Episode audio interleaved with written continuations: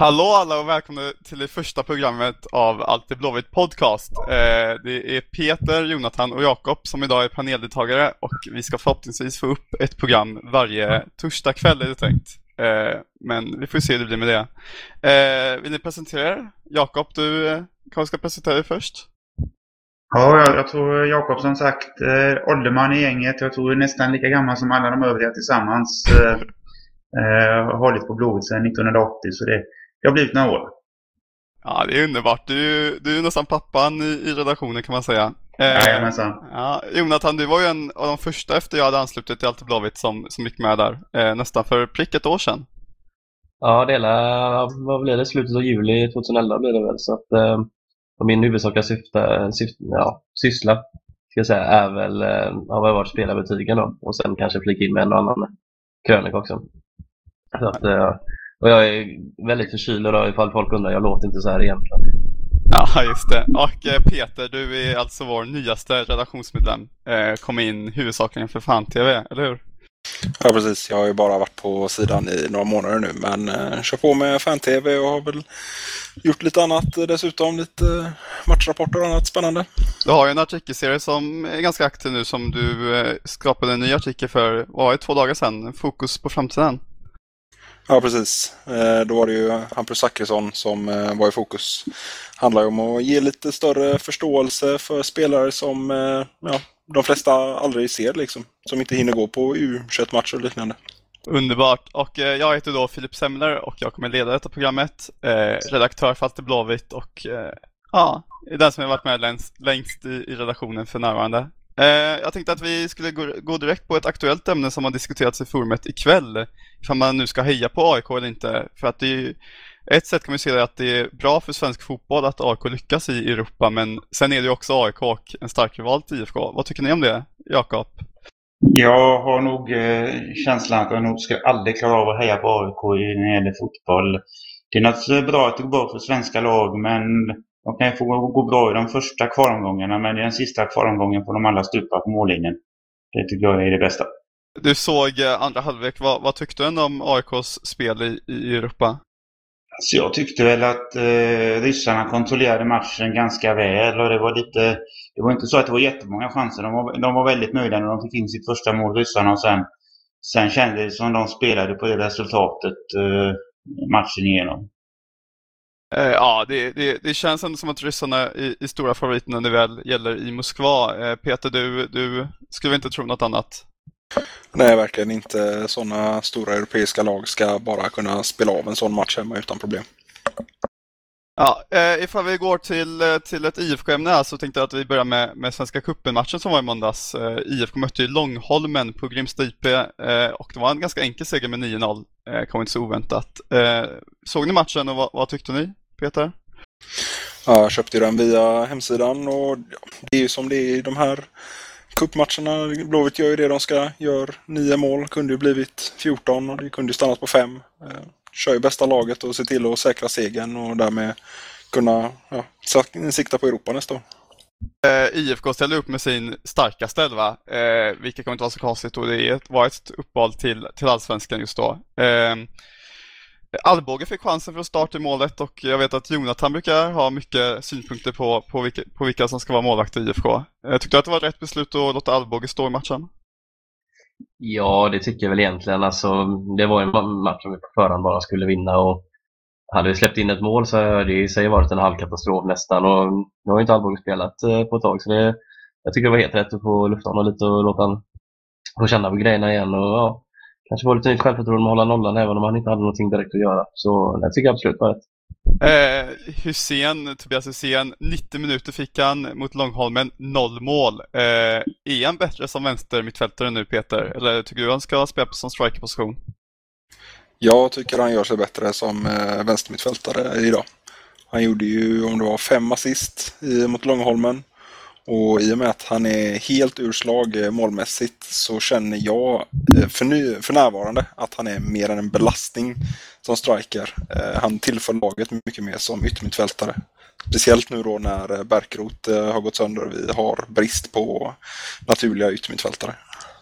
Jag vet eh, Jonathan att du har en annan synpunkt och du, du skulle jättegärna se Tobias Hysén som, som striker istället. Eh, varför då?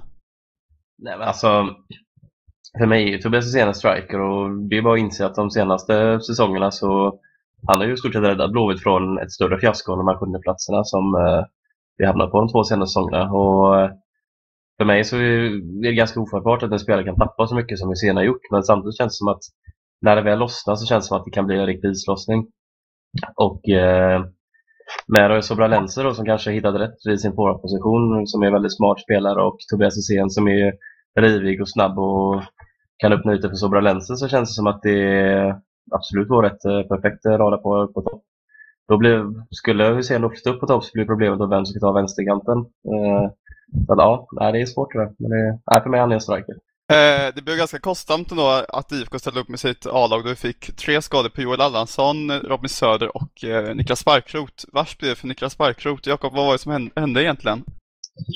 Alltså som jag fattade så, så fastnade han väl i det här förbaskade konstgräset och eh, från början såg det ut som det var, som det var en skada på smalbenet men, men tydligen verkar det vara en, en lös broskbit i knät och eh, det senaste är väl att de tror att de kan plocka bort det där så att det bara blir då tre veckors eh, skadeuppehåll. Men eh, om, om det inte räcker, att man då måste göra en mer eh, komplicerad operation, då är ju säsongen slut för honom. Eh, ifall detta hypotetiskt skulle hända att, att säsongen var över, då har vi tappat två yttrar på, på nästan två veckor. Eh, tycker du att en förstärkning, att Håkan Mild bör förstärka laget nu med kanske en ytter eller ska vi satsa på Allansson och, eller någon annan junior? Alltså man ska ju ha klart för sig att vi har tio matcher kvar och två månader kvar av säsongen. Det blir en ganska dyr förstärkning att köpa någon nu och sen ska ju den då gå på lön hela vintern. Jag tror vi kan spela av säsongen med befintlig trupp. Det skulle möjligtvis vara om man köper någon, någon ny back, alltså någon mer långsiktig satsning. Men jag tycker inte vi behöver förstärka på de offensiva positionerna. Eh, och Peter, du tycker då att eh, du tycker att vi kanske skulle varva in någon ny försvarare till vintern då, eller för att du vill inte varva någonting under, sommar, under sommaren? Nej, det vill jag definitivt eh, inte göra. Eh, nu gick ju Barkrot sönder och det är det en vecka kvar av alltså fönstret, vilket gör att eh, eventuella värvningar känns nu som mer panikvärvningar om man skulle värva offensiva spelare. Så jag håller med att vänta till vintern och köp någonting ordentligt då och bygg vidare på det. Är det en mittback som är prioritet då eller? Det är svårt att säga för jag hade gärna sett att uh, Dyrestam flyttade in i mitten och få sin naturliga utgångsposition och därmed förhoppningsvis få en uh, bättre utvecklingskurva. Men samtidigt känner jag att det kan vara jobbigt att bygga en, en försvarslinje på honom i och med att han tyvärr drar på sig en ordentlig skada per säsong vad det känns som. Så, uh, men förstärkningar i backlinjen och visst en mittback, absolut. Eh, Jonathan, du som eh, brukar betygsätta spelarna och har ganska bra koll på dem. Tycker du att eh, det ska vara Sella till höger och Hysén till vänster nu eh, mot eh, Kalmar på söndag? Ja, det tycker vi väl egentligen. Och sen är det väl lite så också att alternativen på mittfältet är ju ganska tunna nu med eh, skadorna. Nu vet jag inte riktigt hur allvarligt det är med eh, Allansson här, men eh, för mig är jag egentligen Allansson en inne mittfältare. Och sen är det ju Selakovic, visst, vi det är många som är ganska kritiska till honom men faktum är ju faktiskt att han är en poängspelare och gör mycket poäng och har en farlig in inläggshot. Men han borde nog inse lite som jag har skrivit i några betyg tidigare att han är liksom ingen sprinter längre och han vill gärna mecka och försöka eh, göra stoppfinter och springa förbi sin forward och kanske borde gå på inlägg lite tidigare men nej men visst Selakovic är höger och Hussein till vänster det, det är inte fel även om som sagt fortfarande vi ser Hussein på topp. Eh, vi har varit med om en till match också i veckan. I, i tisdags, dagen efter eh, Långholmen, så spelade IFK mot eh, Åtvidaberg i U21-serien. Eh, och Jakob, du var på matchen, eller hur? Ja. Vad tyckte du? Ja, alltså det var faktiskt en intressant match. Det, eh, det kändes som att eh, man, man, tog med sig flytet från måndagsmatchen och eh, gick ut och egentligen körde över Åtvidaberg också. Alltså det var, Blåvitt var bättre på alla positioner. Man, man kontrollerade matchen. Man, man, var kanske inte lika effektiva framför mål som dagen innan men det kändes som man hade bra koll på den matchen. 4-0 slutade ju till slut efter tre mål i första halvlek som var ganska förlösande. Eh, Eh, var, var det så viktigt att det var, kom så många mål i första halvlek? Ja, alltså flera målen så alltså, kändes lite, eh, lite slumpartade. Egentligen kan jag tycka att så här, vi hade bättre chanser första halvlek som vi, som vi inte gjorde mål på. Och så var det eh, lite slumpartat. 3-0 målet var egentligen att egentligen Stille bara stod och fick bollen i huvudet och så gick den in i mål. Och liksom det var sådär väldigt slumpartat. Sen hade till exempel Allan Mohiden ett jättebra skott som, som räddades till, till hörna då. Så, det, så det, det kändes inte som vi gjorde mål på våra bästa chanser men liksom, ja, vi gjorde ändå mål. Nu har vi klättrat som jag har förstått det till en tredje plats i, i mellersta Sverigeserien. Eh, hur många är det som går till slutspel senare i höst? Det är fem lag i, i, i den här serien. Då. Det är väl tre serier och så är det ytterligare något lag som tar sig dit. Men, men fem lag är det i den här u serien Okej, okay, och eh, chanserna är väl ganska goda nu att i och med vinsten att vi tar oss vidare? Ja, det gör vi. Alltså det, det är ganska långt ner till lag nummer sex eh, i, i serien här. Så, så när det gäller u är jag inte orolig. Jag är mer orolig för juniorallsvenskan där Blåvitt eh, sannolikt inte tar sig till slutspel. Eh, ifall vi går vidare till, eh, till, lite snack om, till lite snack om allsvenskan så är det ju allsvenskan på schemat igen efter Europaspel för en del lag och eh, Svenska cupen. Eh, IFK möter eh, Kalmar borta på söndag. Vad har ni för tanke för den matchen, Peter?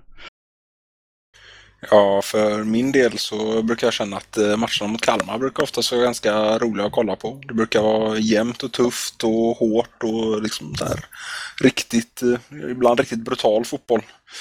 Och sen eh, dessutom är ju ett väldigt gott minne för några år sedan när Blåvitt lyckades, eller låg under med 2-0 vid halvtid och sen lyckades vända det till 3-2 på Nya Ullevi.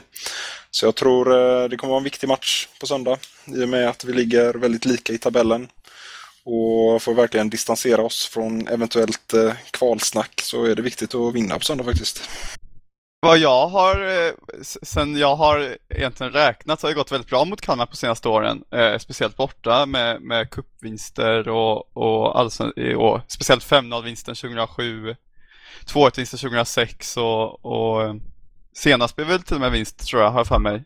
Eh, Jakob, du som har varit med ett tag, hur har det sett ut historiskt med Kalmar? Vad du kan komma på? Jag har faktiskt inte koll på dem så jättebra. Det, det är ett sånt där lag som man har väldigt stor respekt för. Alltså vi, vi hade ju en period där mellan 2007-2009 när vi mötte dem i princip i turneringar hela tiden. Var det inte Supercupen så var det Svenska cupen eller så var det guldstrid i Allsvenskan. Och det känns som man alltid har respekt för dem. Det, det, är inget lag man går ut och kör över förutom den här gången 2007 då. När vi vann med 5-0. Annars eh, Annars får vi jobba för segern. Och de, de kommer från en ganska stor förlust senast i Allsvenskan, så de är nog väldigt taggade.